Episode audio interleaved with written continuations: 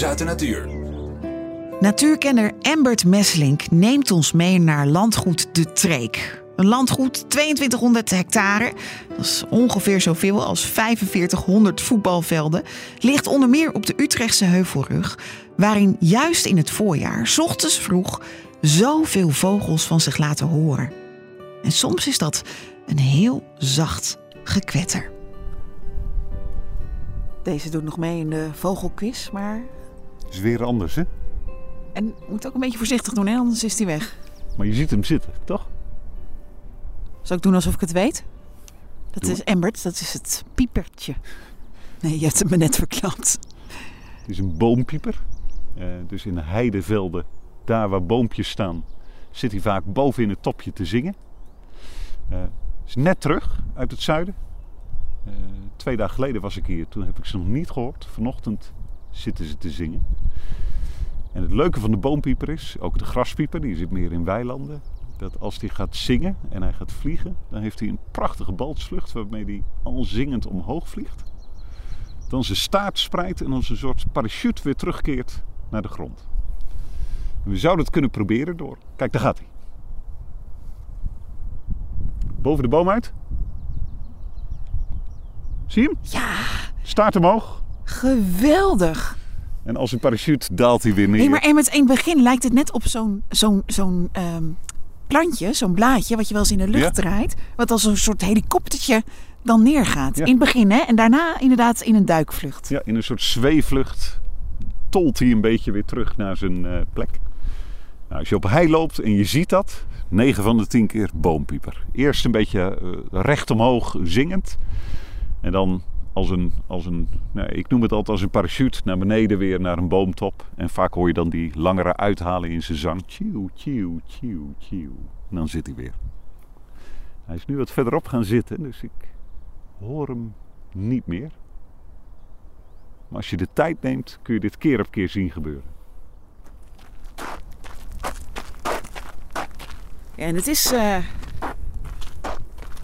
het is natuur. Maar we kunnen gewoon lopen op het schelpenpad. En laat dat nou een enorme invloed hebben op wat later in het jaar hier rechts van ons te zien is. Ja, dat zijn de leuke dingen in de natuur. Schelpenpaadje over landgoed en treek wordt ook goed gebruikt. Je ziet telkens fietsers langskomen.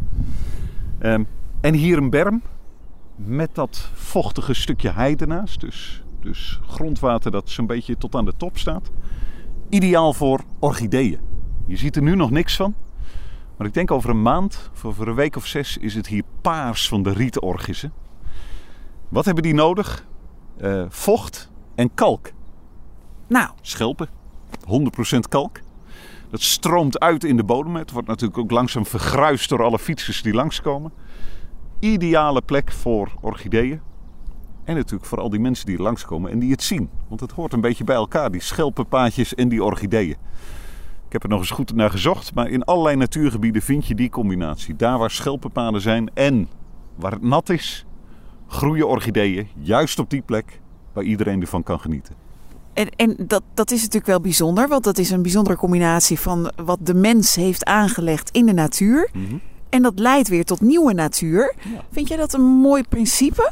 Ik vind het prachtig. Ja, het is een principe dat. eh, wij hebben allemaal de neiging om te denken: natuur is achter het hek. hè. Als wij met onze handen eraf blijven, heb je de beste natuur.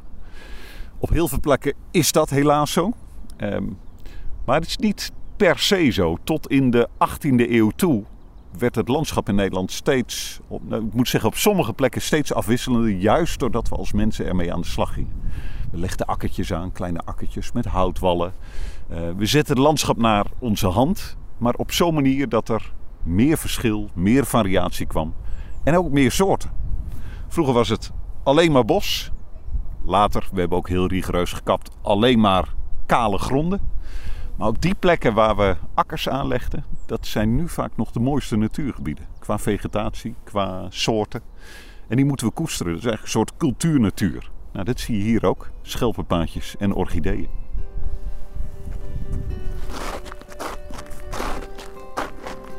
Je hoorde Embert Messelink in groot nieuws uit de natuur en we liepen over dat schelpenpaadje.